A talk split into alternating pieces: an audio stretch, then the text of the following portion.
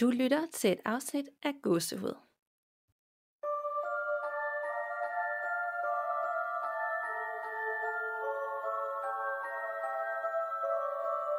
Hej Danika, Hej Nana.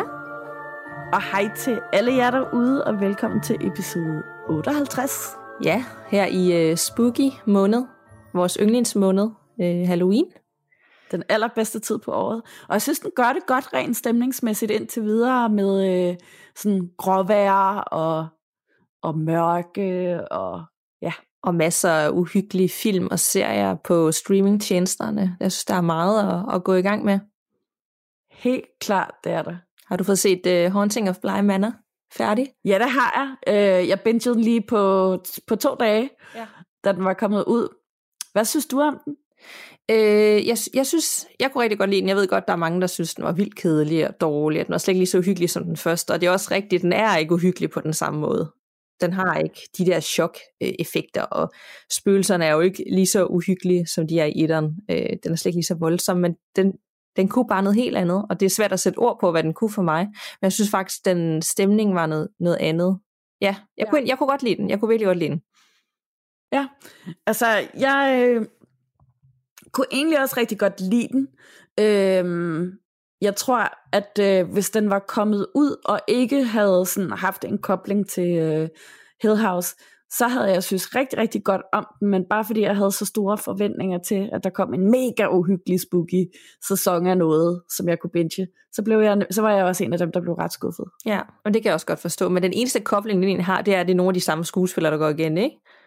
Jo, og så sammen med instruktør, forfatter og, Ja. og alting. Så, så det er sådan lidt, lidt ligesom med alle de der American Horror Story film. Og, Ja. Så man skal jo egentlig bare se alle de her som om, at der er jo ikke nogen af dem. Så når den næste kommer, jeg tænker, der kommer flere, så skal man heller Ja. ikke sammenligne den med de, altså de foregående. Fordi så bliver man sikkert skuffet på forhånd, hvis man forventede lidt det samme. præcis, ja. Jeg, jeg tror bare, jeg havde bare virkelig glædet mig til, at der kom sådan en mega uhyggelig serie igen. Fordi det synes jeg virkelig, der mangler. Jeg synes nemlig heller ikke, at øh, de sådan, sidste mange sæsoner, jeg selv har set øh, American Horror Story, har været sådan virkelig uhyggelige. De er ligesom kommet lidt for meget over til sidst. Så jeg mangler bare det der rigtig gode gys i en serie. Ja, det er rigtigt nok, det er sjældent. Og jeg vil også sige, at der var nogle afsnit i serien, hvor jeg tænkte, hold op, at det trækker ud, eller det er forvirrende. Eller, altså der var et, et enkelt eller to afsnit, hvor jeg tænkte, at det, det kunne man godt lige have gjort lidt kortere. Ja, hvor den bare bliver ved og ved og ved med at køre det samme. Øhm, Ja. Men sådan overordnet set var jeg jo underholder. Jeg synes faktisk, når man havde set det hele, og det gav mening til sidst, så blev den bedre end undervejs, når man ligesom ventede på det. Ikke? jo, det er rigtigt nok. Så øh, den kan stadig ikke anbefales, hvis man mangler et eller andet øh, at se her i øh, Halloween måned. Helt klart. Men er der sket noget uhyggeligt siden sidst, inden vi skal i gang med de her otte lytterberetninger? Ja, altså, nej, der er ikke sådan sket noget rigtig uhyggeligt. Øh, jeg har mere bare haft det sådan lidt underligt det sidste stykke tid. Jeg ved ikke, om det er sådan noget lidt begyndende vinterdepression, der er startet lidt tidligere i år, fordi hele verden stadig er vildt underlig, og corona ligesom er, er skruet lidt op igen. Mm. Øhm, jeg, er sådan, ja, jeg havde bare sådan, i går aftes for eksempel, der blev jeg bare sådan helt vildt ked af det, og fik super ondt i hjertet sådan på et tidspunkt, øh, uden nogen sådan forklaring. Jeg har ikke nogen grund til at være ked af det. Øh, som om, at jeg havde sådan, ja, mistet noget, eller skulle sige farvel til et eller andet. Så sad jeg og græd i en time. Det var Oh. mærkeligt, ja. Men det kan også være forløsende nogle gange, ikke? Når man bare sådan embracer det, i stedet for sådan at sige, ej, hvad fanden er der galt, det gider jeg ikke. Altså, man bare sådan er i det. Jo, præcis. Det, ja, og det var det også lidt. Det gik nemlig op for mig, at jeg altså heller ikke har grædt i helt vildt lang tid, hvilket jo er en god ting, fordi at jeg ikke har været super ked af det Mm. i øh, lang tid. Men ja, det var underligt. Ej. Mærkeligt, men også godt, tænker jeg. Sådan ligesom, når, man, når det presser på, det kender jeg for mig selv, og så er det også rart. Altså at bare give sig hen ja. i det, ikke? Selvom at man tænker, hvad fanden sker der? Præcis, det er sådan lidt en, en nulstilling, sådan man får renset sådan lidt ud. Ja, så det kan være meget sådan en helt ny start. Præcis. Hvad med dig? Er der sket noget hos dig? Øh, altså jeg kan godt genkende den følelse, du siger med, at det hele, altså man er bare sådan mere doven og træt, og jeg har svært ved sådan at, at komme op sådan i, altså finde energi til de ting, jeg skal. og den to-do-liste, ja. der venter, og det var sådan, åh, næsten hver dag tænker gid jeg bare kunne ligge i sengen hele dagen og bare en serie og lige sådan glemme virkeligheden for en stund. Præcis, ja. Og alt er bare mørkt. Altså det har jo så trods alt været lidt bedre vejr her i, øh, vi har haft efterårsferie, men nu, ikke, nu, der, nu er man tilbage til gråværet, og for hver dag, der går, der ved man bare, at nu bliver det mørkere og mørkere, og hvis man så også får de her perioder, hvor man ikke ser solen i, i flere uger, altså det er bare rigtig drænende og hårdt. Ja, det er det. Jeg har også startet tidligt på mine D-vitaminpiller i år, fordi at, øh, jeg kan bare mærke, at jeg ikke får lys ja. nok allerede. Det kunne også godt være, at jeg skulle det. Jeg overvejer også en af de der lys, lysterapilamper, eller de der væggeur, hvor der så kommer lys i, i hele rummet, og vækker ind på sådan en god, naturlig måde. Ja, det gad jeg virkelig også godt at have. Men om der er sket noget hyggeligt siden sidst, altså, øh, jeg, det er ikke fordi, jeg sådan har oplevet noget, men jeg har ligesom øh, valgt at handle på alt det, der sker sådan om natten, og jeg sover så dårligt, i stedet for at blive med at skyde det hen med, at det må jeg bare lige at leve med, og sådan har det altid været, og det er bare mit lod. Ja. Og så har jeg fået en, øh, en mail fra en lytter, en anonym lytter, som også arbejder med det her overnaturlige og klaviant, og har sin måde at se det på, som ligesom har prøvet at sende noget energi i min retning, og sætte nogle ord på, hvorfor hun tror, at jeg føler, at det er lidt hårdt om natten, og, og generelt har været lidt op ad bakke. Og det var sådan, det var lidt sådan et chok at få den mail, fordi den gik virkelig i detaljer med, at, at hun forstod det godt, at jeg oplevede de ting, fordi der var også nogle ting, der havde fulgt mig, siden jeg var barn, øh, som måske kunne være sådan lidt en hindring i forhold til, til at udfolde mig 100%, hvis det giver mening. Ja. Øh, så den skulle jeg sådan lige tykke på, og øh, ja, og så har jeg valgt at booke tid hos en øh, til hypnose Ja, altså jeg bare igennem hele spektret her i efteråret. ja, ej, hvor er det spændende. Ja, og det skal jeg faktisk første gang øh, på torsdag. Ja. Og jeg ved igen, altså det der reiki healing, jeg også prøvede, som også var en ja. god oplevelse, det var sådan lidt, nu har jeg snakket i telefon med ham, jeg skal ud til, men det er måske lidt mere symptombehandling. Altså du håndterer noget, du døjer med lige nu, det kan være, at du sover dårligt om natten, så kan man sende noget healing i den retning, men om det løser det grundlæggende problem til, at jeg oplever det det gør det måske ikke. Ja. Så det her det er sådan mere øh, praktisk, det er ikke sådan, at oh, nu skal jeg ud og, og, og øh, snakke med en klaviant, eller jeg skal kun heales. Det er også sådan, at man finder ind til roden til, hvorfor oplever de her ting, og frygter angst, og lærer sig selv bedre at kende i forbindelse med også hypnose, så man får dykket ned i de der ting, man måske har fortrængt. Så det skal ja. jeg. Ej, hvor er det mega spændende. Ja, og dyrt. Men øh, ja. mega dyrt, men jeg tænker, ved du hvad, altså, ja, det, ja, man kan bruge penge på så mange andre ting, jeg tænker, jeg vil skulle hellere øh, investere lidt i, øh, i mit velbefindende og prøve at gøre det, jeg kan, så jeg ikke bare, at løsningen bliver, nu skal jeg på medicin eller sovemedicin eller et eller andet. Altså, for det føler jeg ikke hjælper mig, for der er jo tydeligvis et eller andet, der generer mig, siden jeg har det sådan. Nej, det er det, og altså, hvis det, hvis det hjælper bare det mindste, så er det virkelig godt givet ud. Mm. Har, har du kunne mærke nogle forskelle? Har du haft nemmere ved at sove og sove ordentligt igennem og sådan noget, siden du har været til rækkeheling? Øh, umiddelbart ikke, men jeg vil sige, at efter jeg fik den mail fra en lytter, der skrev hun nemlig til sidst, at nu havde hun tunet ind på mig, og øh, selvom at det var på afstand, men lavede sådan en, en fjernhealing, og fjernede de ånder, klæbeånder, kald det hvad du vil, som var koblet på mig, som var lidt, øh, altså som drænede mig øh, og fjernede dem, skrev hun. Øh, der vil jeg sige, de to-tre første nætter efter, altså det var en ret syret oplevelse i forhold til min søvn. Jeg spurgte også Rasmus om morgenen, har der været noget? Han kunne ikke huske, der havde været noget, men om det var fordi, han selv havde sovet tungt. Men jeg følte bare selv, at jeg vågnede og tænkte, jeg kan ikke huske, der er sket noget. Ej, hvor vildt. Ja, så der bliver jeg sådan lidt, nå, okay. Øh, jeg tror ikke på, at det er sådan, og så er det bare løsninger, og så er det bare permanent resten af mit liv, men jeg tror godt på, at man kan sende noget energi og i andre folks retninger, som lige kan hjælpe, ligesom at man kan gå til healing og reiki. Og... Men det er derfor, tænker jeg, det har i hvert fald været en god ting, for så har jeg da mindst gået sådan, tænkt over, hvad jeg så ellers skulle gøre. Og så Janni, øh, ja. vores husklavian, hun anbefalede mig så ham her, øh, fyren, som laver hypnose øh, og terapi i kobling. Øh, og tror også, at han kan noget med det overnaturlige, men det er ikke det, der er i fokus. Det fokus er, at jeg lærer at, øh, at få vendt den her frygt og angst til noget, jeg selv kan arbejde med. Fordi i bund og grund er det jo mig selv, der skaber de øh, oplevelser om natten, så det er jo faktisk mig selv, som jeg er bange for. Giver det mening? Altså det er jo Ja, noget, jeg skaber klart. mentalt, så derfor skal jeg jo også finde den kontrol, så jeg selv kan styre det. Ja. Så det, i virkeligheden, det du siger, er, at det er ligesom alt andet i livet. Der er ikke nogen nem genvej til bare lige at forklare tingene. Man skal selv lave alt det hårde arbejde. Ja, det skal man. Og han sagde jo også, det bliver jo også, det bliver hårdt, og du vil komme til at højst sandsynligt at se nogle ting, altså du skal møde nogle ting og lære dig selv bedre at kende, og det er jo ikke bare sådan, nå okay, så er der lige en gang, og så går jeg derfra helt lettet. Altså det, det bliver da sikkert skide hårdt. Ja. Men jeg tror også, hvor det er sundt som menneske, at man ligesom søger de ting og lærer sig selv bedre at kende, fordi han sagde også, og nu er det heller ikke, fordi det skal blive for langt, men man kan godt have en idé om, hvordan man er som menneske. Mm. Man ser sig selv udefra, sådan er jeg, men er det egentlig sådan, man selv rigtig er, eller er det bare en forestilling om, hvordan man er? Mm. Og det, Ja. og det kan godt være en hindring i forhold til de ting, man gør, fordi jeg er jo sådan her som menneske, og derfor så gør jeg sådan her. Men ja, i bund og grund, det jeg søger, det er, at jeg finder ro, og jeg, altså, at jeg bliver mere sådan tilpas og afslappet livet, og bare og nyder livet. Altså det, er så, det er vel det optimale for Ja. mig. Altså at finde den der indre ro og nærvær, og være til stede i det, jeg gør, og afslappet. Så øh, kunne jeg ikke bede om mere. Nej, helt klart, ja.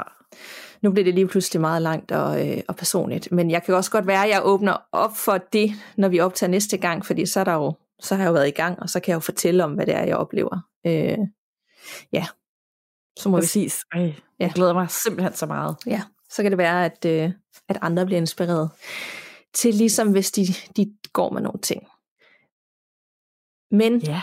det her afsnit skal ikke handle om, om hypnose og personlig udvikling. Det skal handle om jeres lytterberetninger, fordi det er et lytterberetningsafsnit, og vi har otte lytterberetninger til jer i dag. Jeps, og lad os bare kaste os ud i det. Øh, jeg har en rigtig god en her at starte på fra Christina. Hun skriver, Hej gåsehud. For det første, tak for en spændende podcast. Jeg hører den ofte, inden jeg skal sove om aftenen, og det er ikke, bestemt ikke, fordi I er kedelige, men I har nogle rigtig behagelige stemmer. Jeg har i meget lang tid overvejet, om jeg skulle skrive til jer, nu hvor jeg skal til at være alene i 10 dage og passe min forældres gård som også er min mors og mit fælles barndomshjem på Vestjylland. Det er mit absolute yndlingssted, særligt når jeg er der alene, og det stormer udenfor. I de situationer kryber jeg altid under dynen og ser gyserfilm. Min familie har altid været modtagelig over for det naturlige, og jeg har gennem hele mit liv haft paranormale oplevelser. Bare for at komme med et par eksempler. Min oldemor, som er min farmors mor, lagde stjerner og tarotkort og brugte som et værktøj til at se og forsvare.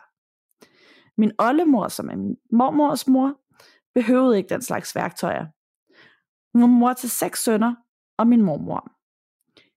En dag de gik og arbejdede på en brønd, kigger hun på den ene søn, der arbejdede nede i selve brønden, og bliver lige bleg og siger, han har hul i nakken. Det vil sige, at han havde en gennemsigtig plet fra nakken, og så ud gennem halsen. Det viste sig, at han havde kræfter og begyndt i nakken, og havde spredt sig derfra. Han tabte senere kampen mod kræften. Min, farmor har, min mormor har aldrig fortalt om, hvorvidt hun havde oplevelser, og min mor har lukket fuldstændig af for den slags indtryk. Min farmor drømte engang, at min tiboldefar, min farmors morfar, døde ved at falde ud af et vindue. Morgen efter fortæller hun min farfar om drømmen, og efterfølgende ringer telefonen, og de får at vide, at min tiboldefar ganske rigtigt var død. Han havde gået i søvne og var faldet ud af vinduet. Det var ganske vist i et stueetagen, men det var koldt, og han var en rigtig gammel mand. Min far og mor skulle til middag hos min onkel og tante, og når de, de når kun lige at komme ind ad døren, da min far lige pludselig bliver lige bleg. Han hiver min mor til side og forklarer, at han ikke kunne se hovedet på en af de gæster, de lige havde hils på. Nogle måneder senere blev vedkommende meget syg og døde. Desuden har min far haft oplevelser på den gård, som mine forældre købte af min mormor og morfar. Blandt andet har min far observeret en mand flere steder på gården, som bare står og ryger cigaretter. Han afgiver en troende og decideret ond energi. Han er sandsynligvis gårdens første ejer, som ikke var en særlig rar mand, men det vender jeg tilbage til senere. Jeg har selv, ligesom min familie, et åbent sind over for det overnaturlige, og jeg har arvet lidt af, hvad de kan. Det jeg egentlig vil fortælle jer om, er nogle af mine oplevelser, og der har været en hel del. De fleste har det til fælles, at de er foregået i og omkring mit barndomshjem, hvor jeg befinder mig nu. Jeg er 26, men har ikke boet hjemme siden jeg var 21, men jeg er stadig utrolig knyttet til stedet. I kan lige få lidt fakta om det. Det er min mor og mit fælles barndomshjem, og det er en gammel gård fra starten af 1900-tallet, men det har med al sandsynlighed været beboelse på stedet længe før det, da vi stadig finder gamle mursten, når marken bliver pløjet og havet. Det er en tolænget gård, hvilket vil sige, at den har to fløje og er formet som et stort L. I den ene ende er stallen, og i den anden er beboelsen. De to længere er ikke forbundet på den måde, at man kan gå fra den ene til den anden, uden at man skal skulle udenfor. Gården ligger utrolig idyllisk med store marker, skove og søer, men den ligger også ret isoleret, så der er fred og ro og langt til naboerne. Min mor og jeg har heste, og desuden huser gården også tre katte, to skildpadder og en masse fisk. Der har så langt tilbage, jeg kan huske, været specifikke steder i huset, og i stallen og i laden, hvor man bare ikke skulle kigge hen. Den første oplevelse, jeg kan huske, var da jeg stadig sov i trammeseng. Jeg vågnede og satte mig op og kiggede rundt i værelset. Jeg var lysvågen. Og i det ene øje ser jeg et sæt lysende gule katteagtige øjne. Og når jeg siger lysende, så mener jeg, at de lyste omgivelserne op, men at der var et sort fus, fuzzy sådan omrids omkring der, hvor øjnene var. Jeg mødte det her væsen et par gange efter. Samme sted og samme rutine. Noget andet, der også har været gennemgående, er lige så længe som jeg kan huske i huset, er, at der har gået sorte skygger rundt frem og tilbage langs med stuehuset i fuldt dagslys. Mit første møde med et rigtigt spøgelse var da jeg var omkring 8 år. Jeg lå igen i min seng, men vågnede med et sæt, fordi jeg følte, jeg faldt. Jeg sætter mig op, men noget virker helt forkert. Jeg kan høre lyden af en helt sværm bier om mit hoved, og min dør står åben, selvom jeg altid lukkede den om aftenen, da det var et af de steder, man bare ikke skulle kigge hen. Og den band, som man skulle virkelig hive til for at lukke den. I døråbningen står en mand og skuler virkelig ondt og pistet på mig. Men han var ligesom forkert i det. Han var sort-hvid, afgav lidt lys og var let gennemsigtig. Jeg gemte mig et øjeblik, og jeg gemte mig øjeblikkeligt under dynen, og blev der resten af natten. Da jeg beskrev ham for min far, blev han lige bleg og fortalte, at det var den samme mand, som han havde set stå og ryge cigaretter forskellige steder rundt omkring på gården. Min morfar døde, da jeg var 13, men han blev ligesom hængende. Mine forældre havde løbende renoveret huset, og der hvor min mormor og morfar havde soveværelse, havde mine forældre lavet badeværelse. En dag jeg kommer hjem fra skole, går jeg, som jeg plejer, ud for at vaske hænder og kan lukke pibetobak. Jeg snuser rundt derude og får isoleret lugten til et specifikt sted. I det jeg står lige der, får jeg en varm, mild og kærlig følelse i mig. Da min mor kommer hjem, spørger jeg hende uden at tænke over det, og min morfar havde røget pibe. Hun kiggede mærkeligt på mig og svarede ja. Jeg fortsatte at spørge, om hans faste plads havde været lige der til venstre, når man kommer ind på badeværelset. Igen kigger hun mærkeligt på mig og svarer, ja. Nå, men så sidder morfar altså stadig der og ryger pibe. Og det har han gjort med jævn mellemrum indtil i sidste måned, hvor min mormor døde. Der er også lige en oplevelse mere, hvor jeg blev vækket. Jeg var omkring 14 år, da det her skete. Jeg vågnede, fordi jeg kunne mærke, at min seng rystede, som om jeg blev kørt på en borger- eller en hospitalseng. Jeg sætter mig op i sengen og ser en hånd bevæge sig hen imod min højre fod, der stak ud fra under dynen. Hånden tager ligesom fat om noget, og jeg mærker et bånd eller en elastik blive taget af min store tog, og et stykke papir, der kilder på tåen ved siden af. Da jeg fyldte 17, skiftede jeg værelse og kom til at bo nedenunder. Min far havde inddraget noget af den gamle stand til beboelse, og fordi første salen skulle i stand sættes, gav det bedst mening, at jeg kom ud i min fars hobbyrum. Det var et lækkert stort rum med masser af lys. Det eneste negative var, at vores heste boede på den anden side af en dobbeltmur. Jeg gik på STX på det tidspunkt, og havde derfor en hel del lektier, så jeg brugte en del tid på mit værelse. Jeg fik dog en underlig vibe fra den ene ende af værelset. Jeg blev ligesom trist og tom, når jeg befandt mig der, og om natten ville jeg helst ikke se derhen. En dag jeg sad og lavede lektier, kunne jeg høre lyden af hestevrinske og hestehår mod gammeldags beton. Det lyder mere som når man løber på hård jord, så det er ligesom en mere blød og luftig lyd. Men da jeg kom hjem, havde jeg lukket hestene ud, og de gik i en fold 100 meter bag huset. Jeg går ud i stallen og kigger, for jeg kunne jo være kommet til at glemme at lukke ledet for folden og ind i stallen, så hestene kunne være smuttet ind igen. Men alt er i orden, og de går glade og tilfredse og spiser græs. Desuden er der nyt betongulv i stallen, så det hele virker bare ret underligt. Lyden gik også rigtig klart igennem, hvilket den jo ikke burde, efter der som sagt er en dobbeltmur af mursten og isolering mellem mit værelse og stallen.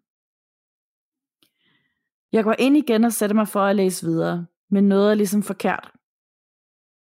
På det sted, hvor jeg får den triste fornemmelse af, at der damp, som var der to heste, der står og ånder efter at have arbejdet en hel vinterdag. Men det var forår og mega varmt. Da min mor kom hjem, spørger jeg, om der på noget tidspunkt havde stået heste på det sted, da det var en del af stallen. Hun forklarer, at da mine bedsteforældre havde overtaget gården, havde den tidligere ejer efterladt to heste i stallen. De var begge gamle og magre, og den ene var allerede død, da de kom. Den anden måtte aflives på stedet. Og det understøtter også bare den energi og den dårlige vibe, man får, når man møder den tidligere ejer på gården. Jeg har stadig en del beretninger, som jeg tænker, I helt sikkert også skal høre. Både flere fra gården, fra min efterskole og fra da jeg flyttede sammen med min kæreste. Gysende med venlige hilsen, Christina. Wow, Christina. Og jeg vil elske at høre det for både øh, efterskole også, og da hun flyttede sammen med kæresten. Præcis, ja, og flere historier om gården. Jeg vil vildt gerne høre mere om ham, den tidligere ejer, der bare var helt vildt ubehagelig. Ja, hvorfor var han så øh, sur? Var det, fordi han havde ejerfornemmelser for det sted, og ikke ville se andre? Det kunne man godt forestille sig, ikke? Jo. Jeg vil indrømme, jeg bliver også lige ramt af det der med hendes, øh, hendes øh, familiemedlemmer. Var det hendes mormor og farmor og far, der kunne, der kunne sådan se ting ske, inden det skulle ske, at de kunne se, at der var et hul øh, i nakken, ja. og nogen manglede hovedet, og drømte, at nogen falde ud fra vinduet. Det må godt nok være en vild evne at have, og utrolig skræmmende, at man sådan får de premonitions. Ja. ja. Hvordan skal man lige håndtere det? Altså, det er da ikke sikkert, at man har lyst til at se det. Nej, præcis. Altså, det... Jeg, jeg, jeg tænkte faktisk også i går, da jeg lige pludselig fik den der meget sørgelige fornemmelse, at blev helt vildt ked af det, og begyndte at græde sådan, åh oh, nej, jeg ved, at eller bare, bare det ikke er, fordi der er sket et eller andet. Øh, og sådan havde virkelig lyst til at ringe til min far, men så svarede han på sådan en quiz, vi spiller, så jeg kunne se, at der ikke var sket noget med ham. Ja, jeg, ja, ja som om ja. det var sådan, at du, du mærkede en eller anden ting for noget andet, der skulle ske. Eller var ja. ved at ske. Ja, det kan jeg godt sætte mig ind i. Ja. Det var bare voldsomt, at man skal sådan til en familie middag, og vi skal, man skal rigtig hygge, og så kommer man ind, og så, er der bare, så ser man bare en, der mangler hovedet. Altså, der er en, der ser ja. det for sig. Ikke? Altså, hvordan skal man lige håndtere det og sætte sig ned og hygge sig og spise sin mad? Ja, det må virkelig være underligt. Ja, og skal man sige det til personen? Fordi hvis man har haft den evne og har oplevet det før, eller skal man bare lade som ingenting? Ja, det er det. Men der er vist også, altså i hvert fald dem, der arbejder professionelt med det, har jeg hørt, skulle have sådan et etisk kodex omkring, hvad man siger og hvad man ikke siger, og så tror jeg ikke, man siger sådan noget. Nej. Det er mere, hvis, man sådan, hvis det var en ulykke, og man faktisk ja. hen og sådan advare og sige, lad lige være med det den dag. Men det ved jeg ikke, om man kan gå ind og sådan ændre ved skæbnen. Altså, det ved Nej, jeg ikke. det ved jeg heller ikke. Nej, det er i hvert fald en voldsom oplevelse. Øhm, og så, jeg forstod ikke helt det der med, at hun, hun vågnede og mærkede en hånd og noget, der var på hendes tog, et, et stykke snor, ikke? Og noget papir. Jo, altså også, hun, øh, hun, hun, hun skrev, at hun, øh, hun vågnede ved, at sengen ligesom rystede, som om hun kørte på en borger eller et eller andet. Så det lyder jo nærmest lidt som om, at ja, altså også når hun siger, at hun ligesom kunne mærke en elastik eller et eller andet, der blev fjernet fra sin tog, det lyder jo lidt ligesom sådan nogle lig, der har de der mærker siddende på toget, på ja. togen, identifikationsmærker. Det lød lidt som om, at det var det, hun oplevede. Kan vide, om hun også har fået den evne til ligesom at mærke, hvad andre gennemlever. Ligesom at, nu kan jeg ikke huske, ja. mormoren eller farmoren, der drømte, at nogen faldt ud af vinduet og døde, og så passede det. Om hun også har den evne til at gennemleve det, andre oplever, som de oplever det. Det kunne godt lidt lyde sådan, ja. Ja. Når man sender ind i flere beretninger, Christina, lyder som om, I har nogle, nogle vilde evner i jeres familie, som bliver ført videre og videre. Helt klart, vi skal høre så meget mere, ja. Det skal vi. Er du klar til endnu en beretning? Absolut. Ja, og det er for Zoe. Hej piger.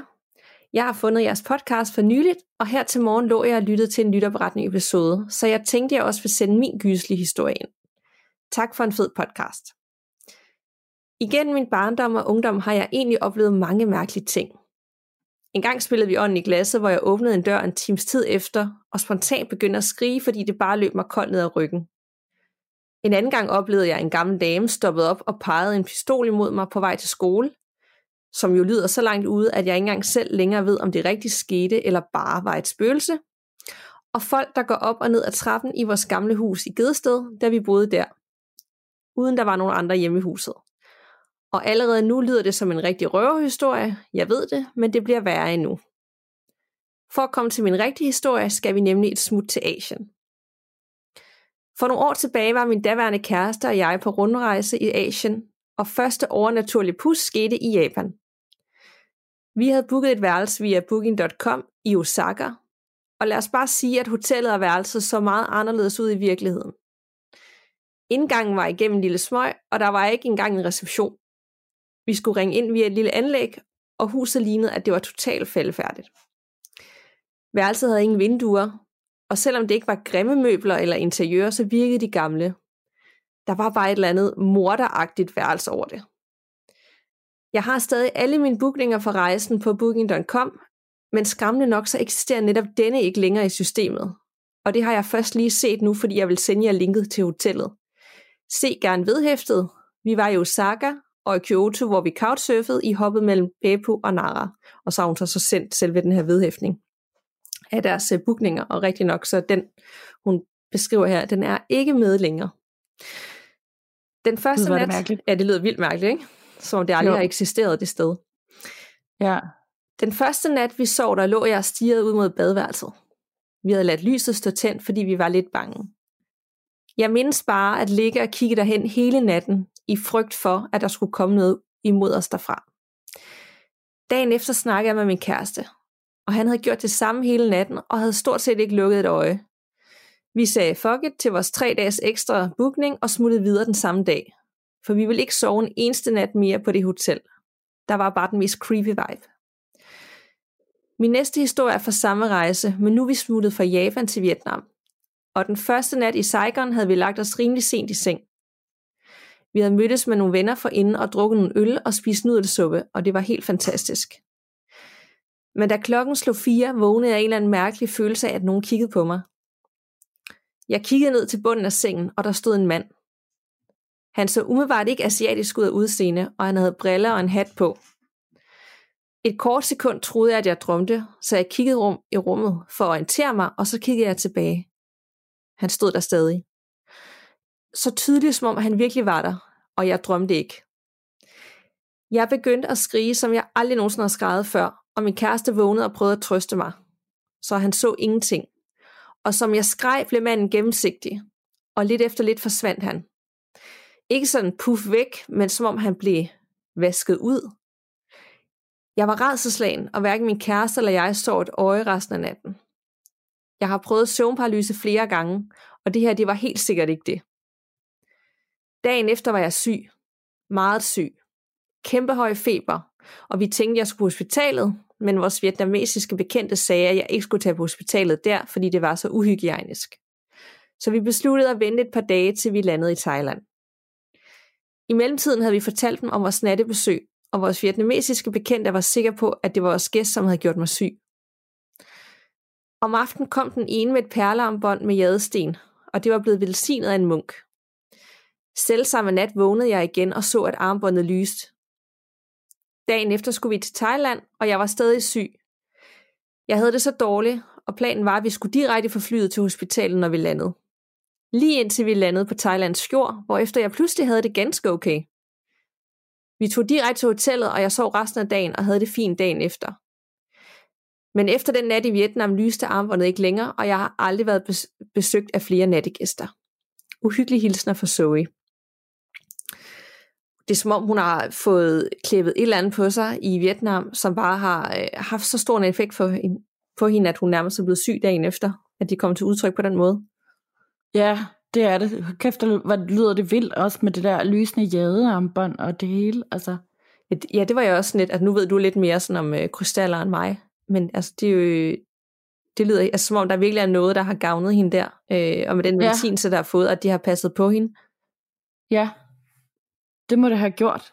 Altså kan sten, Hvor, kan sten lys? Er det sådan noget, man snakker om, når man snakker krystaller? At, øh, at de kan sådan... Mm, nej, altså de kan sådan reflektere lys, nogle af dem, men jade kan ikke. Det er jo ret sådan, det er sådan ret solid farve, så, så umiddelbart kan jade ikke lyse op. Nej.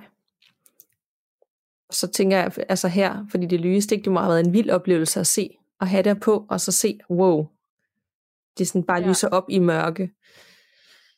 Ja, det, det, det, det minder mig lidt om en anden historie, vi også havde på et tidspunkt, øh, hvor at der var en pige og hendes veninde på ferie i Thailand, øh, og hvor hun beskrev, at hun fik sådan en feberdrøm om natten, hvor hun også lidt var i tvivl om, om det var... Det ja, var det er rigtigt. Det var noget med hendes far, ikke? At hun så ja, et eller andet jo. for sig. Jo, jo, jo, jo. Kan og at ja, han havde ringet eller sådan noget. De, de havde i hvert fald mærket et eller andet på samme tid. Det er rigtigt. Det kan jeg godt huske. Jeg kan ikke lige huske episode det i, men øh, det var også mega spændende. Det er som om, at når man rejser i Asien, fordi de har en helt anden kultur med det overnaturlige, altså på en måde, så kan det også være, at det er mere åbent, og så kan man jo opleve ting, man måske ikke ellers vil opleve, selvom Altså fordi, selvom man ikke er åben, så kan det godt være, at der bare er mere aktivitet der, fordi andre folk tror på det. Helt klart, også fordi man, man åbner jo tit sit sind, når man rejser, så bliver man sådan lidt mere let sindig og gør, gør ting, man ikke plejer at gøre. Jeg kunne forestille mig, når man, når man rejser til så anderledes en kultur, at sådan, at, at ja, så åbner man sig endnu mere, og så åbner man måske også uden at vide det for alle de ting. Ja, og også fordi hun har den her øh, vietnamesiske bekendt, som også sådan, altså siger, men det er jo nok ham, der har gjort dig syg, hvor herhjemme, der vil de bare sige, du er bare blevet smittet, eller du ved, ja. det, det er et eller andet. Altså der, dernede, så er det bare sådan helt naturligt, jamen det er jo helt klart det, og derfor så skal du have det her armbånd, som blevet mediciner af en munk. Det, det vil du ligesom ikke få i Danmark, hvis du oplever noget. Nej, nej overhovedet ikke. Så det, det sker nok ikke så tit. Øhm, Præcis. Og hvad er det vildt med det der sted i øh, Japan, som bare er forsvundet fra bookningen, og der bare så helt anderledes ud, og de havde den her fornemmelse, og nu, kan de, nu er det som om det aldrig har eksisteret. Det er sindssygt creepy. Ja. Og hun sendte netop den her bekræftelse for alle, hvor de var rundt omkring i hele Japan, og den er der bare ikke længere. Øhm, det ved jeg ikke lige, hvordan man forklarer. Nej. Øh, og det var også det der med, at hun, som om det hun fik med sig i Vietnam, det kunne hun ikke tage med til Thailand. Altså det var meget interessant, fordi hun landede i et nyt land, så forsvandt det. Ja, det er virkelig også ret interessant. Det er meget interessant. Det minder mig lidt om, at vi har fået videre, og det er vi ikke ret gode til, og det burde vi måske have startet afsnit med, at, at der er nogen, der har anbefalet os, fordi vi oplever også ting, og især når vi optager, fordi vi åbner op og fokuserer på det her overnaturlige, at så skal vi blive bedre til at forestille os, inden vi starter, øh, at at der kommer noget hvidt lys ud over sig, og vi skal sige for os selv eller højt, at, øh, at vi ikke er interesseret i at invitere nogen ind, når vi åbner op for det her. Og grund til, at, ja, og grund til, at jeg siger det, det er, fordi der er også mange af vores lytter, der oplever ting, rigtig mange, der oplever ting, mens de lytter til gåsehud, og ikke er, synes, det er super fedt, og derfor så tør de ikke lytte med. Og så tænker jeg, at en god start for alle, der lytter med, og er bange for at invitere noget ind, det er, at man forestiller sig, at man øh, bliver fyldt med hvidt lys, lukker øjnene og lige ser det for sig, det hele bliver lyst op, og så kan man så sige for sig selv, at øh, der er ikke, øh, ja, hvad skal man sige, at, at alt det, der ikke hører til her, det skal forsvinde, eller der er ikke noget, der skal koble sig på, bare fordi jeg lytter med til gåsehud. Ja, det er rigtigt. Det er altså en god idé. Ja, og det er også en god idé for os at lige øh, blive bedre til det, fordi vi har tendens til at bare begynde, og så, øh, og så slutter vi, og så fortsætter vi vores, vores dag, ligesom når man spiller ånden i glasset. Så, så har man ja. Også en start og en, en bestemt slutning for ligesom at lukke af, og det gør vi jo ikke. Vi er jo bare sådan, nå, nu snakker vi, og så, så var det det, ikke? Jo, nemlig. Ja. Ja. så egentlig en god Det er rigtigt. reminder til os selv, og så øh, andre. Ja, virkelig. Nå. Med det sagt, har du så en til, til mig? Det kan du tro. Jeg har nemlig en her fra Bettina, som skriver, Hej gåsehud. Jeg er ny lytter til jeres podcast, og jeg elsker den allerede. Derfor har jeg nu fået lyst til at dele nogle af mine oplevelser med jer. Det kommer nok til at være lidt langt, og jeg kommer nok til at tvivle på, om noget er det rigtigt, men jeg lover jer, at alt jeg siger er sandt. Det overnaturlige har fulgt mig gennem hele mit liv, og jeg har fået videre af en klaverjant, at jeg har nogle evner, som jeg dog ikke har åbnet helt op for endnu. Nok fordi jeg er lidt bange, og inderst inden har jeg ikke lyst til at få dem så tæt på. Her kommer nogle af de episoder, jeg husker bedst. Da jeg var omkring 6 år, havde jeg en drøm, som skulle vise sig at komme igen og igen hele mit liv. Jeg drømmer den den dag i dag stadig en gang imellem. Men jeg ved desværre ikke helt, hvad den vil fortælle mig. Jeg drømmer, at der er en masse små børn inde i små kasser. De kigger op på en hvid kvinde med langt lyst hår, som er badet i lys og med en lang hvid kjole på.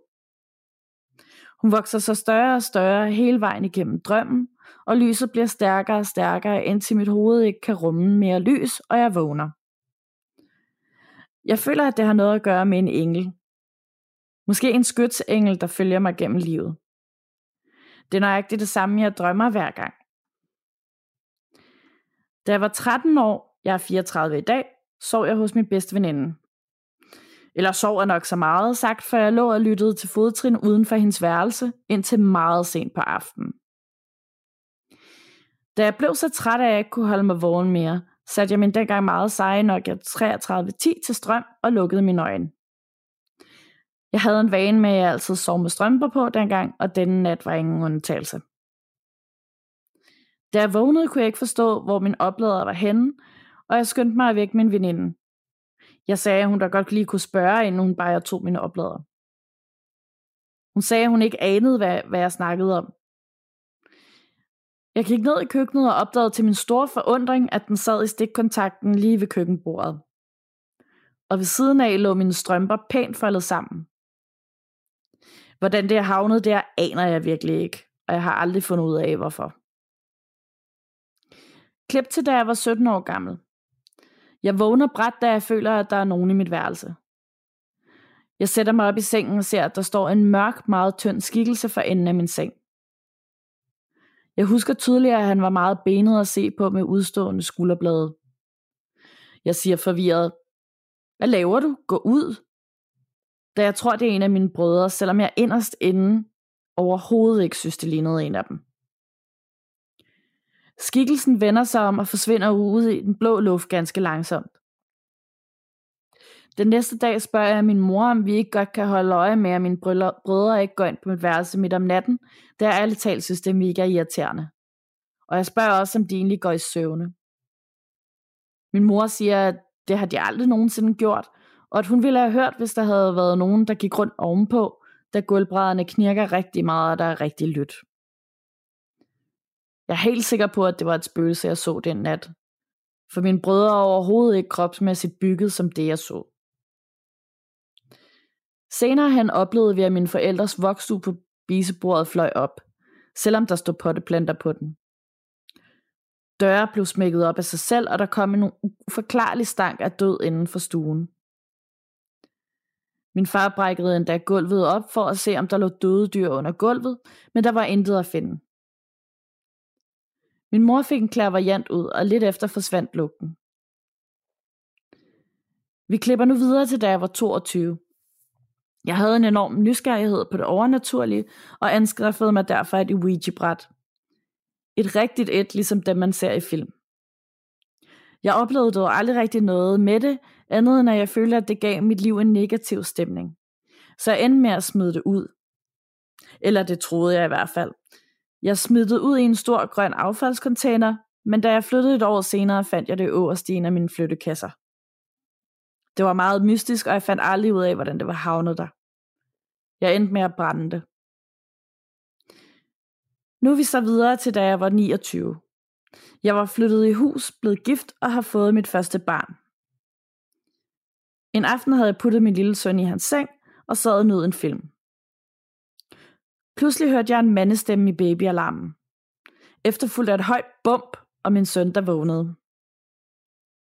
Jeg løb selvfølgelig alt, hvad jeg kunne ned på hans værelse, men der var intet at se, da jeg kom derhen.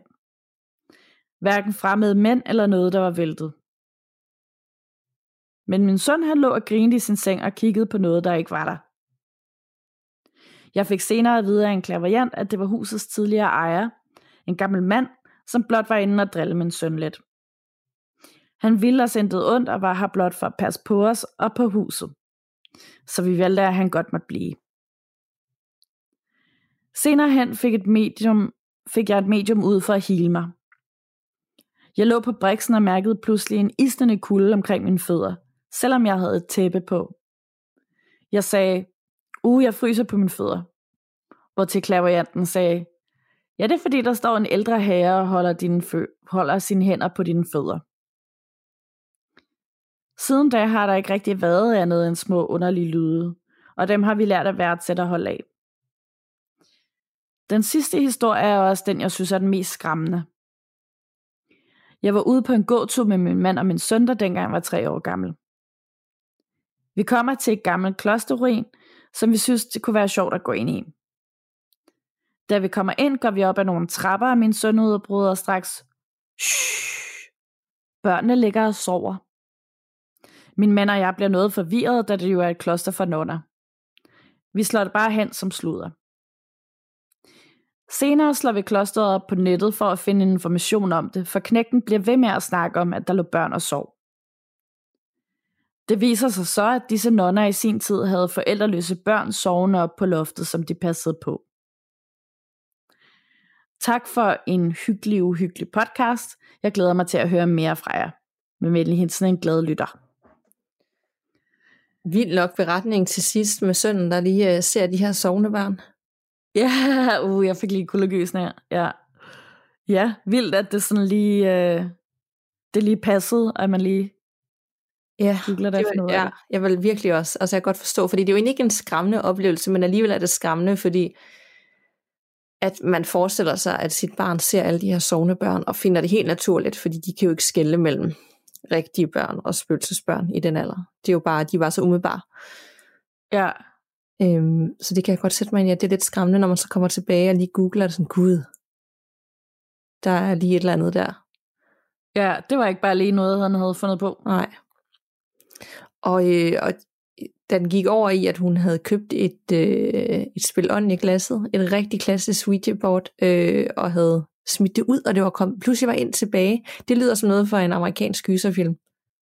Ja, det gør det virkelig. Det er virkelig underligt. Jeg håber altså, at det er en, der har set det, og så bare øh, tager pis på hende.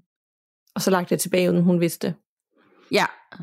Ja, eller så er det sådan helt ligesom i Annabelle-filmene, hvor den er duk, de kan ikke komme af med den, når den er inde tilbage, når de smider den ud.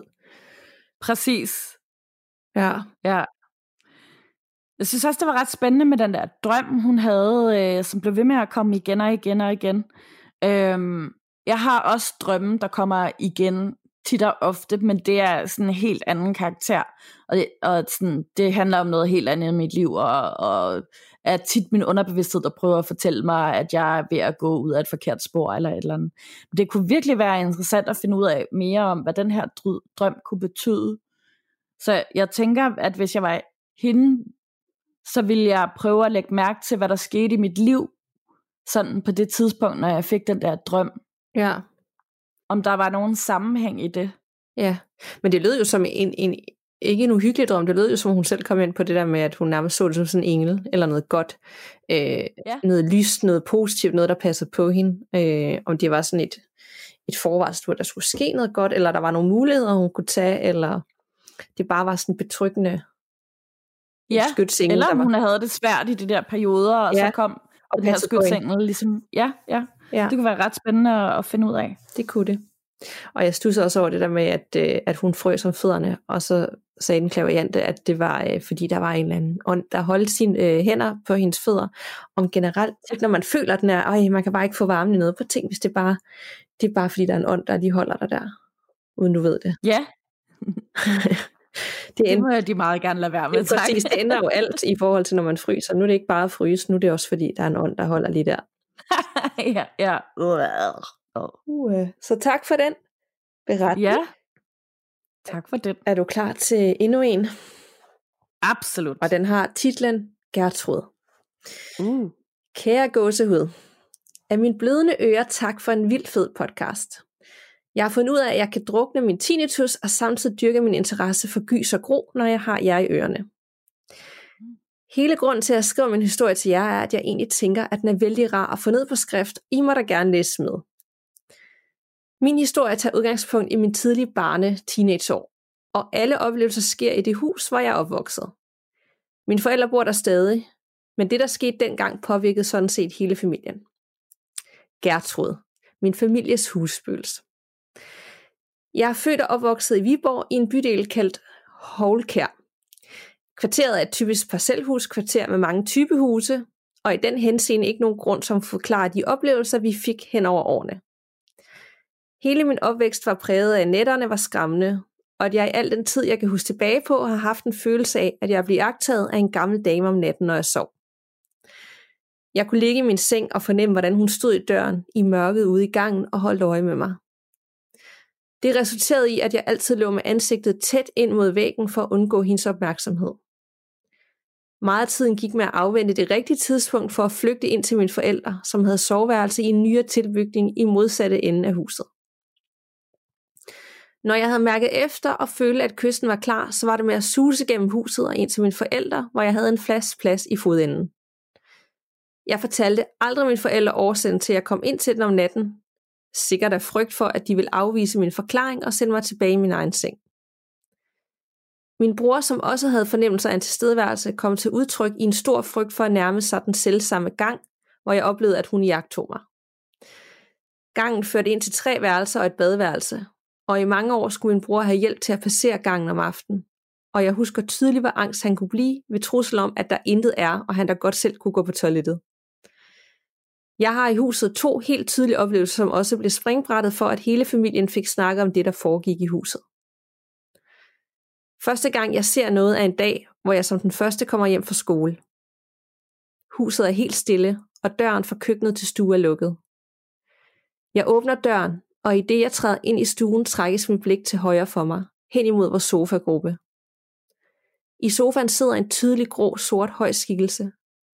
Jeg har ikke en tidsfornemmelse, men jeg ved, at jeg jagter skikkelsen et stykke tid, inden den letter op mod loftet og forsvinder. Igen søgte jeg tryghed på værelset, og jeg nævnte intet for resten af familien. Min næste oplevelse kommer lidt tættere på, i det jeg kort tid efter sidder i den selvsamme sofa.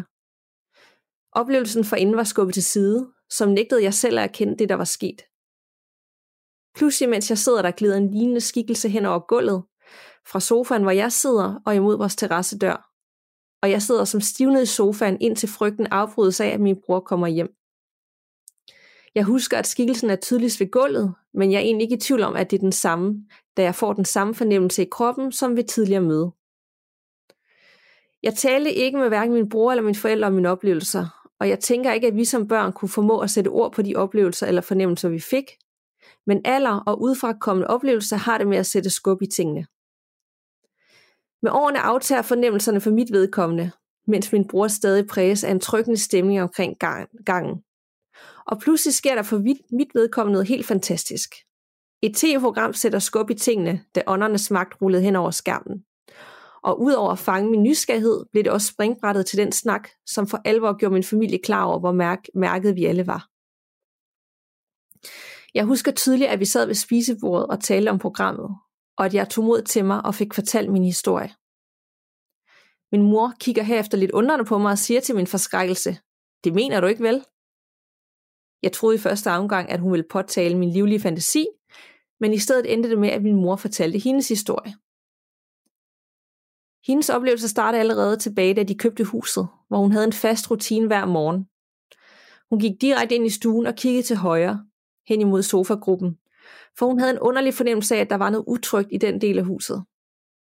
Samme rutine hver morgen i mange år blev for hendes vedkommende yderligere forstærket i den periode, hvor vi fik vores første hund. Hunden havde det med at stå og gø, mens den kiggede ind i hjørnet, hvor sofaen stod. Helt umotiveret og bestemt ikke noget, der gjorde min mors bekymring mindre. Det skal lige siges, at man fra hjørnet i stuen kan trække en direkte linje ud i gangen. Min mor vil umiddelbart ikke skræmme os unger, der jo tydeligvis sov dårligt nok om natten, og altid lå i hendes fodende, når hun vågnede, ved at fortælle om hendes oplevelser. Og derfor holdt hun det for sig selv. Min bror fortæller nu, at hans angst for gangen også kom af, at han følte sig overvåget, iagtaget.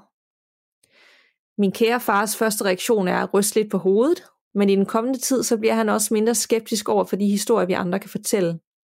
Og da han ser et mønster i hundens bizarre adfærd, er han ikke længere afvisende over for, at der må være noget i huset. Jeg flytter efter nogle år hjemmefra og lægger lidt oplevelsen på afstand. Men resten af familien fornemmer hende stadigvæk. Gertrud, som bliver navnet på vores husspøgelse. Hun er ikke som sådan skræmmende længere, nu når vi alle kender til hende, men hendes tilstedeværelse er der stadig forstyrrende, særligt over for hunden. Og efter endnu en udsendelse omkring det spirituelle, vælger min far at sætte en stopper for hende. Han fortæller stolt, hvordan han på tv havde set, at man selv kunne gøre noget. Og det er med et smil på læben, at jeg kan fortælle, at min far rundt rundt i hele huset og bad hende forsvinde. Du skal ikke være her, sagde han igen og igen. Det morede mig uendeligt og gjorde en tidligere meget skræmmende tid mindre uhyggelig, og mere som en del af min families fælles historie. Min far, som ellers er svær at overvise, havde egenrådet skræmt Gertrud væk, og væk var hun.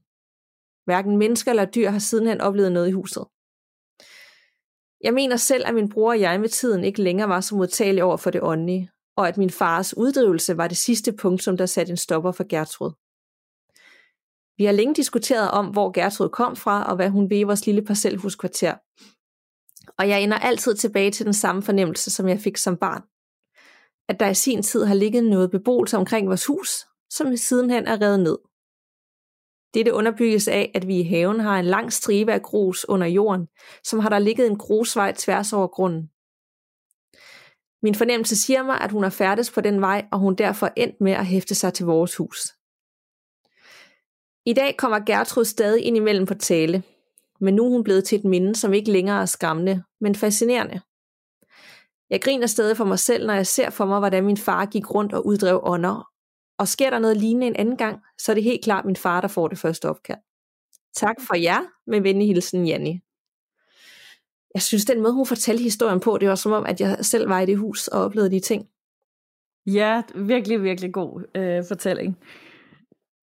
Og faren, der render rundt der, ikke? Og, og uddriver ånder, som, selvom han startede som skeptisk, men nu har han set åndernes magt, så nu er han bare totalt klar til at uddrive de her ånder.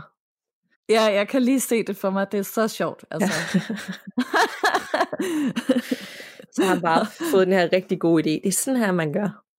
Ja, ja. Nu ender det med, at alle der ringer til ham, når de skal have jaget noget væk. Ja. Øhm, men også en, en beretning, der vidner om, at noget, der kan føles så skræmmende i mange år, faktisk ender med at blive et, et fjern minde, som man kan grine af i dag. Det, det synes jeg også, der var ja. et eller andet. Altså selvfølgelig er det forfærdeligt, at de har skulle gå i så mange år som børn, og sovet dårligt, og været utrygge, og ikke turde færdes alene i den gang. Men i dag er det faktisk noget, de mindst tilbage på, samlet som familie, og, og kan grine af. Ja, det må være så forløsende. Ja.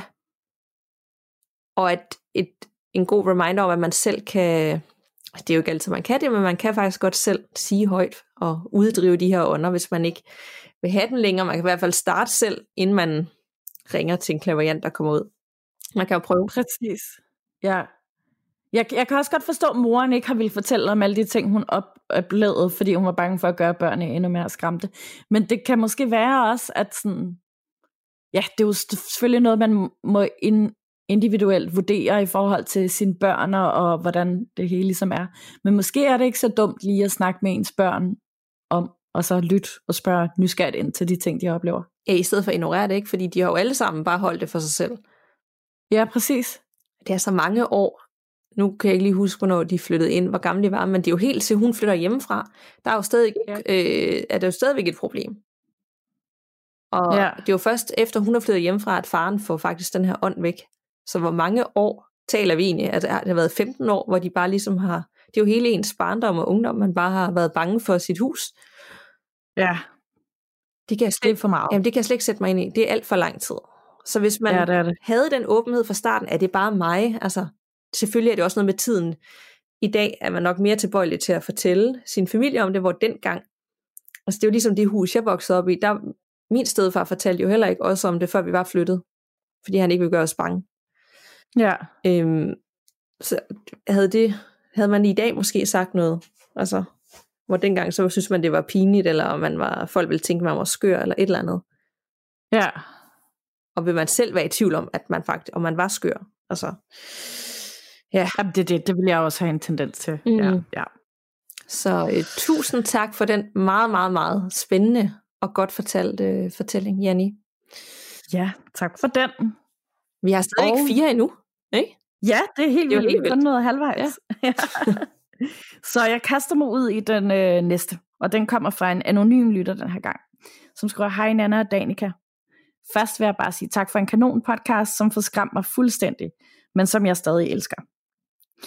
Da jeg begyndte at lytte til jeres podcast, tænkte jeg over, hvad jeg egentlig selv har oplevet, og jeg kunne kun komme i tanke om to episoder, indtil jeg snakkede med min mor, og hun mindede mig om nogle andre oplevelser.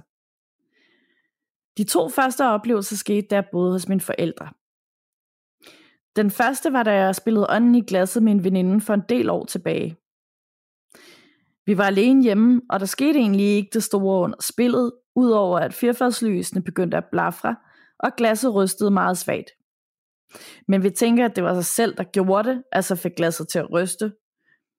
Og vinduerne på mit værelse var lukket, og det var døren også, så vi synes, at det var lidt underligt, at lysene begyndte at blafre, for der var jo ikke rigtig nogen træk. Vi tænkte ikke, at det var noget, da glasset ikke rigtig bevægede sig under spillet. Vi droppede det så og begyndte at rydde op efter os. Men det er så her, det hele begyndte. Da vi havde pakket det væk, begyndte vi at høre bank på en glasvæg, som står i entréen. Der blev vi lidt skræmte, men vi gik ned og kiggede alligevel. Det stoppede kort, da vi var kommet derned, men så begyndte det igen. Og det var 10 gange voldsommere, end det var før. Der blev vi altså bange, og begyndte at gå hurtigt op ad trapperne til mit værelse. Da vi var nået halvvejs op ad trapperne, kunne vi høre tunge og hurtige skridt bag os. Og jeg kan love jer for, at vi spurtede op på mit værelse og blev derinde, indtil mine forældre kom hjem. Efter den oplevelse skete der ikke så meget, udover at der kom lyde fra vaskemaskinen, som om at den var færdig. Men når man så kom ned til den, var den slet ikke tændt. Jeg kan ikke helt forklare det, men efter min veninde og jeg spillede øjnene i glasset, er der kommet en dårlig stemning. Og jeg kan stadig den dag i dag ikke lide at være alene hjemme hos mine forældre, selvom det er ved at være 10-11 år siden vi spillede det.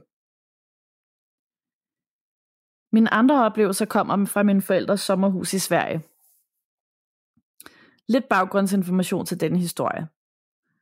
Huset er bygget i 50'erne af et ægtepar. Manden døde i huset nogle år før vi købte af kvinden i 2006. I den periode, hvor jeg havde de her oplevelser, var mine forældre i gang med at bygge om i huset. Det ligger i en lille by med omkring 150-200 indbyggere. Det har en kælder, en stueetage og en første etage med et stort loft, som vi sjældent piller ved, fordi der er så ulækkert derop. Jeg har et meget dårligt forhold til kælderen, og jeg nægter at gå derned. Selv i en alder af 21. Der er en virkelig dårlig energi og stemning dernede, så jeg holder mig væk derfra. Den første oplevelse, jeg havde, var en sen aften, hvor mine forældre var gået i seng. Deres soveværelse er på første sal, og jeg sad i stuen nedenunder. Jeg har siddet der i en halv times tid, da jeg kigger hen mod døren ud til gangen.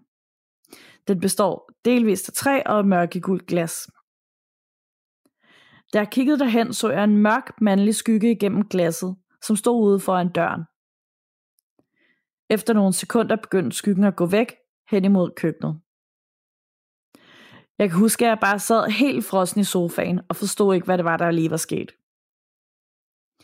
Mine forældre var ovenpå, og jeg ville have hørt dem, hvis de var gået ned ad trapperne, for de giver så alarmer ekstremt meget. Jeg slog det egentlig bare lidt hen og fortalte ikke nogen om det, men min næste oplevelse skræmte mig virkelig meget. Jeg var cirka 14 år, og jeg var alene i sommerhuset, da mine forældre var taget til den nærmeste by, som ligger 24 km væk. Jeg stod ude i køkkenet, da jeg hører, at tv'et ikke larmer mere, så jeg går ind og kigger og opdager, at der er blevet slukket for det. Jeg tænker, at det er lidt underligt, men går tilbage i køkkenet.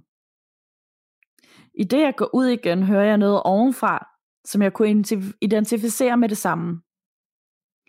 Det var en kontorstol, som var i huset, da vi flyttede tingene ind. Den er meget gammel og larmer ufatteligt meget, både når man rykker den rundt og når man sætter sig i den. Den larmede i hvad jeg vil sige 10 sekunders tid. Og da den stopper, spænder jeg ud i haven. Jeg ringer til mine forældre i total panik, og de ringer så over til vores svenske nabo, som kommer over og går huset igennem. Men han fortæller, at der ikke er noget at se derinde. Jeg nægtede stadig at gå ind, og jeg nægtede at kigge op på huset, for jeg fik en fornemmelse af, at jeg absolut ikke skulle kigge derhen. Da jeg med mine forældre går ind i huset, efter de er kommet hjem, ser jeg, at stolen er blevet rykket omkring 5 meter. Den stod ved computeren før, men var rykket hen imod midten af rummet, som aldrig har gjort, som, som den aldrig har gjort, hverken før eller siden. I flere år efter vil jeg ikke være alene i huset, og jeg føler mig stadig ikke tryg, når jeg er der alene. Den blev lidt lang, så I er velkommen til at rette eller gøre den kortere. Og igen, to, tak for en total fed podcast. Hilsen anonym. Jeg forstår godt, hun ikke øh, er sådan super fan af det hus. Ja, det øh, forstår jeg også godt. Det kunne godt lidt lyde som om, at øh, den tidligere ejer stadig hang lidt ved dig. Ja, og det kommer især til udtryk over for hende. Den her ja. fjendtlighed, eller at hun ikke nødvendigvis føler sig velkommen. Så der kunne det måske være en god idé med sådan en husrenselse.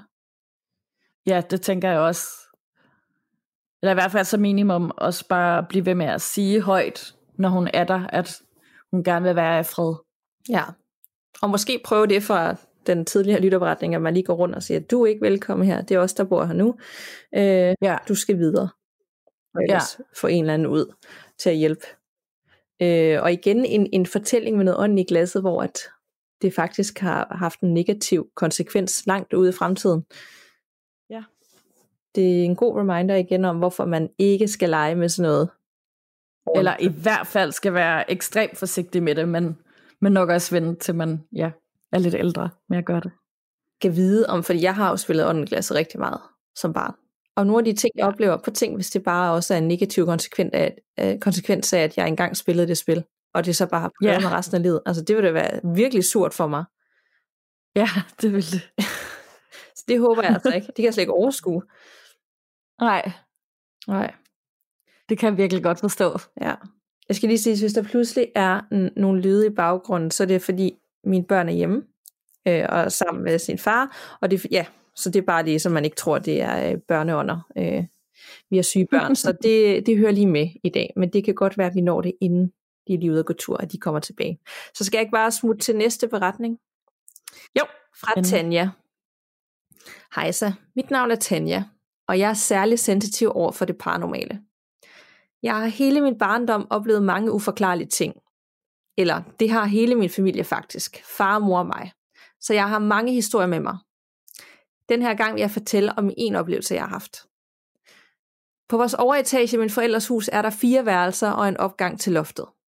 Der var tv-stuen, mit værelse, min forældres soveværelse og min mors sygerum. Der er sket mange ting. Rigtig mange ting. Jeg har aldrig tur sove alene, så ofte har jeg sovet på en madras ved siden af mine forældre. Da jeg er blevet stor nok, mener mine forældre, at det er på tide, at jeg skal sove på mit eget værelse. Men jeg sover ikke. Jeg sidder tit i sengen og kigger ud i mørket. Jeg ændrer mig, og jeg bliver sort og kan ikke overskue livet.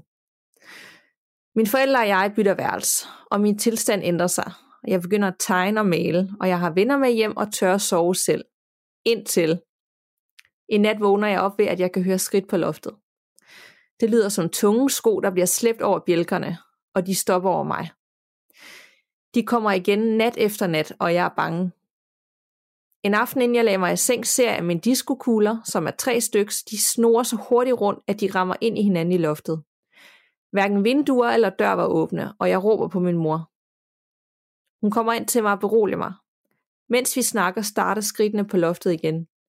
Min mor bliver så bange, at hun holder mig helt tæt, og tårne triller ned ad kinderne. Undskyld, siger hun. Undskyld, jeg ikke lyttede. Diskokuglerne hænger nu helt stille, og skridtene er stoppet. Min mor ligger ved siden af mig og forsikrer mig om, at de nok skal se på loftet i morgen. Morgen efter, da vi åbner døren, er der fodaftryk for loftsopgangen og til mit værelse. Støde skridt i gulvtæppet. Min far han er ægte vendelbo, og han tror ikke på sådan noget, så han tager føretrøjen på og går op på loftet. Fra trappen og hen til mit værelse ligger der en snorlig række af kuglepinde, den ene efter den anden, med aftryk af en støvle ved siden af. Hilsen Tanja. Den var kort, men var øh, sådan meget scary, ikke? Jo. Ad. Øh, ja, ad. Altså. Ja. Jeg tænker også lige, da jeg læste den først, wow, altså det, det hun skriver, hun har haft mange oplevelser, og hun er særligt sensitiv over for det paranormale, og det her det var bare en af dem, så havde jeg slet ikke ventet, at den gik den vej. Altså ikke fordi hun har Nej. set noget, men du ved, det, det er sådan et, det der med, at der var, især de der kuglepinde, altså kuglepinde er jo ikke hyggelige, men at der ligger sådan en, en række af kuglepinde efter hinanden, er da mega klamt. Ja, det er virkelig underligt, altså. Underligt, og så et støvleaftryk ved siden af. Ja, og jeg fik mere sådan, kan vide, når nogen der bor på loftet, altså ikke noget med sådan rigtig, øh, øh. ja, det vil være endnu værre, ikke? Men jeg tænker sådan, at der kører sådan noget psykisk terror på hende med at øh, få ting til at ryste og larme, og ja, sådan bare terrorisere hende. Det vil være så sygt. Om ikke andet er det ikke noget, man skal leve med, så øh, ja, få en ud, prøv selv, ja, flyt, ja, ja. mange muligheder. ja, helt klart. Ja. Har du en mere lidt sindig beretning, eller øh, fortsætter vi samme stil? Mm, jeg synes, at den er den er lidt trist, men, men sådan ikke helt så skræmmende på den måde. Den er, den er sådan lidt mere, ja, speciel. Ja. Den kommer fra Christina, og hun skriver, Hej gåsehud. Jeg vil med jeres podcast, og jeg elsker at høre om andres oplevelser. Det her er ikke en oplevelse, jeg selv har haft, men det er noget, min mormor har oplevet. Min mormor bor på Færøerne, og hun har et hus med en udsigt til havet og fjellene på modsatte side. Min mormor sad ofte med en kop te og kiggede ud af vinduet om aftenen. Og det gjorde hun også den her aften i november 1988 omkring klokken midnat. Hun gik ofte meget sent i seng dengang. Pludselig kunne min mormor se to blå lys over ved fjellet. Det undrede hende lidt, da fjellet er så stejlt, og ikke har nogen veje, men umuligt ville kunne stå deroppe. Og hvem ville vel alligevel også stå deroppe og lyse med lygter omkring midnat? Hun var på vej i seng, og hun tænkte ikke så meget mere over det. Men næste morgen får hun at vide, at to teenager på 18 år var kørt i havnen. De blev erklæret døde præcis på det samme tidspunkt, nemlig klokken midnat. Min mormor fik et sug i maven over det, for det var jo, det var jo nærmest det samme tidspunkt, hun havde set de blå lyst. Men hun tænkte, at det nok bare var tilfældigt.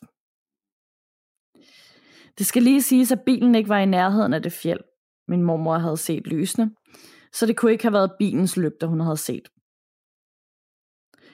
Noget tid senere var min mormor taget hjem til sin veninde. Min mormors veninde mand lå for døden, og han ønskede at sove ind derhjemme, så han lå inde på et værelse ved siden af. Min mormor og hendes veninde skulle til at lave en kop te, og pludselig ser min mormor et blåt lys over på fjellet. Hun kalder på sin veninde og spurgte, kan du se lyset derovre? Men hendes veninde kunne ikke se noget lys. Men i det hun lægger sin hånd på min mormors skulder, så kan hun lige pludselig se lyset og undre sig meget over det. Min mormor kom til at tænke tilbage på de to teenager, der gik bort nogenlunde samtidig, som hun så de to bly, blå lys før. Så hun sagde til sin veninde, at hun skulle gå ind og tjekke til sin mand. Og ganske rigtigt var, hun, var han også gået bort, efter hun havde set lyset. Min mormor fortalte mig, at hendes mor også havde oplevet det lys. Men hun kan dog ikke huske, om der var sket noget lignende, efter hun havde set det. Hun undrer sig stadig over det, men har heldigvis ikke oplevet det siden, hvilket hun er virkelig glad for. Jeg får stadig kuldegysninger, når jeg hører, eller når jeg genfortæller hele den her historie. Mange hilsner fra Christina. Ja, det var, det var sørgeligt. Ja. Øhm, og og øh, tankevækkende, at, at hun så det lys. Altså, hvorfor lige hende? Hvorfor, Ja, hvorfor henvendte det sig til hende? hun må også have en eller anden åben kanal for det, tænker jeg. Ja. Og jeg kan næsten se det for mig, at man bor der på Færøerne, og der er bare natur, og så ser man sådan to blå lys op på en klippe, hvor der ikke er folk normalt. Altså jeg forestiller mig, at det er sådan nærmest umuligt, at der kan være folk deroppe. Og især om natten. Præcis. Og så ser hun bare sådan to lys, og tænker, hvad er det? Og så bagefter, så, så øh, lægger man to og to sammen, ikke? Jo, jo, det er det. Også først, først så tænkte jeg, jeg ved om det er noget, øhm, hvad er det, det hedder, nordlys. Ja. Jeg, jeg ved slet ikke, om man kan se det på færøerne. Men når det så kommer ved højlysdag også, jeg går ud fra, at det var højlysdag, ja. Ja. hun var hjemme hos sin veninde der, så, så kan det jo ikke være nordlys. Nej. Nej. Nej, så jeg forstår godt, at hun ikke har lyst til at se det igen, hvis det betyder, at der er nogen, øh, der er døde i det øjeblik. Ja, ja, det kan jeg virkelig også godt forstå. Øj. Ja. Er du klar til den sidste? Det kan du tro. Øh, med eventuelt børn i baggrunden. Vi tager det med. Yep. Og det er fra Anne Mette. Hej gåsehud. Jeg har været trofast lytter til jeres podcast igennem noget tid, og elsker lytterberetningerne. Jeg har igennem noget tid overvejet at komme med min, så her kommer det. Jeg var 18 år og netop flyttet hjem fra min egen lille etværelses ungdomsbolig. Det var små rækkehuse, og min allerbedste veninde havde fået nabolejligheden, så vi boede nærmest hos hinanden. En lørdag morgen kom min veninde som altid ind til mig og drak en kop jeg stadig nattøjet kaffe og sludder om løst og fast. Døren havde hun lavet være ulåst, igen som altid. Lejligheden var lille, og vi sad begge, så vi kunne se ud af entréen. Hoveddøren var sådan en dør med materet glas i den øverste halvdel, og låsen var en drejelås, som kun kunne låses med en nøgle, eller hvis man drejede låsen på indersiden. Pludselig ser vi, til vores begge store forskrækkelse, låsen blive drejet om, uden at der stod nogen ude på den anden side af døren. Vi blev begge så bange, at vi tog vores tøj og skred. I vores iver efter at finde en logisk forklaring, kontaktede vi viseverden, som konstaterede, at låsen kun kunne drejes manuelt, og at låsen ikke kunne stå i spænd. Jeg fik skiftet låsen, da der måtte have været nogen, der havde drejet låsen udefra, men det var der altså ikke. Det var tydeligt. Kort tid efter vågnede jeg en nat af, at der blev banket hårdt i min natbord. Og et par dage efter blev der rykket hårdt og insisterende i min badeværelsesdør en morgen, da jeg var i bad. Jeg tog et håndklæde om mig og råbte, hvem er her? Og så stoppede det for en stund. Alle disse tilfælde sluttede kort tid efter af med en hændelse, jeg næsten synes er den mest spooky af den alle. Jeg plejede altid at se tv, inden jeg skulle sove, og jeg satte altid timeren til, så tv'et slukkede, hvis jeg skulle falde i søvn. En morgen var min fjernbetjening væk. Jeg ledte seriøst alle mulige og umulige steder. I sengetøjet, under sengen, i skabe, i køleskabet, fryseren, ja, overalt. Den var pist væk fra min lille etværelseslejlighed. I et par uger måtte jeg derfor betjene tv'et på selve apparatet, hvilket jeg blev godt træt af, men fjernbetjeningen var jo forsvundet. En nat efter et par uger vågnede jeg så op, og fjernbetjeningen lå ovenpå mig på min dyne, som om nogen havde lagt den der. Det har jeg absolut ingen forklaring på, for jeg havde virkelig let alle steder, og væk var den. Alle disse hændelser fandt sted inden for en relativt kort periode på nogle måneder, og jeg har aldrig oplevet noget siden. Jeg er ikke åben, og jeg kan ikke fornemme ånder normalt, så kan vide, om der var nogen, der vil vise mig, at de var der en tid, der for en 18-årig godt kan være forvirrende. Hilsen Anne Mette. Det synes jeg var en fin måde, hun lige forklarede det sidst. Øh, at selvom Ja. man ikke er åben over for den anden side, så kan der godt være perioder i livet, hvor at det hele kan være lidt svært eller forvirrende, og især når man er 18 år, øh, hvor at ting kan komme til udtryk på den ene eller anden måde. Ja, helt klart. Det synes jeg også var en rigtig fin afslutning på det her. Men jeg tænker også, at det med veninden, hvor de har siddet, og de har set låsen, det drejer, og den kan kun drejes indenfra, eller også man har en nøgle. Det er så ulækkert. Det er mega ulækkert. Det kan jo ikke lade sig gøre, for der er jo ikke noget. Altså, så skal det være fordi, at der er en, der har en nøgle udefra, men det var jo materet glas, så vil man jo kunne se nogen stå der. Ja, præcis. Ad, ad, ad. Så det er jo bare uforklarligt. Så jeg var også, øh, jeg havde også taget mit tøj, og så var jeg løbet væk. ja, det var jeg godt nok også. Øhm, ja, og så øh, det med fjernbetjening, at hun, den er væk i flere uger, og så vågner hun, og så ligger den bare lige oven på maven på dynen, efter at have let alle steder. Det giver jo ingen mening. Nej, det er virkelig også underligt. Så skal det være hendes underbevidsthed i søvn, der har gemt den, og så har den fundet den igen, uden hun har været bevidst om det. Ja, Men det, det er jo det også kan være, lidt- hun skal prøve at optage sig selv og finde ud af, om hun øh, går i søvn. Ja, nu tænker jeg, at det her det er mange år siden, fordi hun har et tv, øh, så man, øh, man sætter en timer på. Det, det gør man jo Ja. ikke rigtig længere, gør man? Det er sådan noget, jeg kan huske fra min barndom. Man kunne sætte en timer på sit rigtig store øh, tv-apparat. det var jo et apparat, det var jo så stort og firkantet og kluntet. Og så kunne man sætte en timer, fordi man tit faldt i søvn til det, og så slukkede det af sig selv. Eller der kom pauseskærm, fordi der ikke var mere på tv. Altså, det kan man sagtens også med det nye. Jeg, jeg har også sådan en timer på mit fjernsyn. Så måske Til, ja. Jeg forestiller mig bare, at det sådan noget tilbage i, i 90'erne, fordi jeg brugte det så meget der. Øhm, ja.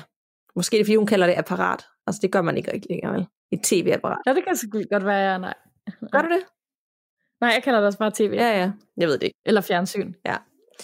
Øhm, men ja, nogle meget mystiske hændelser, som ikke rigtig forklares, men der kun var i den her korte periode, og så gik det over igen. Mystisk. Ja. Hvad? Så kom vi igennem otte uhyggelige, hyggelige, tankevækkende beretninger. Ja, det må man sige. Og vi vil lige minde jer om, at I skal huske at lytte med øh, på selve Halloween den 31. oktober, som er en lørdag i år. For der kommer et ekstra afsnit ud for os. Juppie! Yeah. Og vi har nogle ekstra lyttervarninger med, og du har et væsen, som jeg ikke kender til, som du vil fortælle lidt om. Og vi har måske et par gode filmanbefalinger til din Halloween, og ja, bare et ekstra godt gys på en lørdag. Yes, så glæd dig. Ja, gør det endelig, og send også endelig beretninger stadigvæk på gåsødpodcast.gmail.com, og det er gåsød med to af jer, fra dig selv eller en, du har fået fortalt, øh, og så når vi til den før eller siden. Man kan ikke, vi kan ikke have for mange beretninger, fordi jo flere vi har, øh, jo flere ekstra afsnit kan vi også lave, og jo flere kan vi læse op. Præcis. Så husk også at melde jer ind i Facebook-gruppen, hvor at, øh, der sker simpelthen så mange ting derinde. Så øh, der er også øh, rigtig gode kilder til ting, man kan se på streamingtjenester, film, man skal se, bøger, man skal læse, og ting, man skal opleve. Så Ja. Ja. Gør endelig det. Så nåede vi til vejs ende. det gjorde vi. Tak for snakken, Anna. I lige måde. Og vi lyttes ved.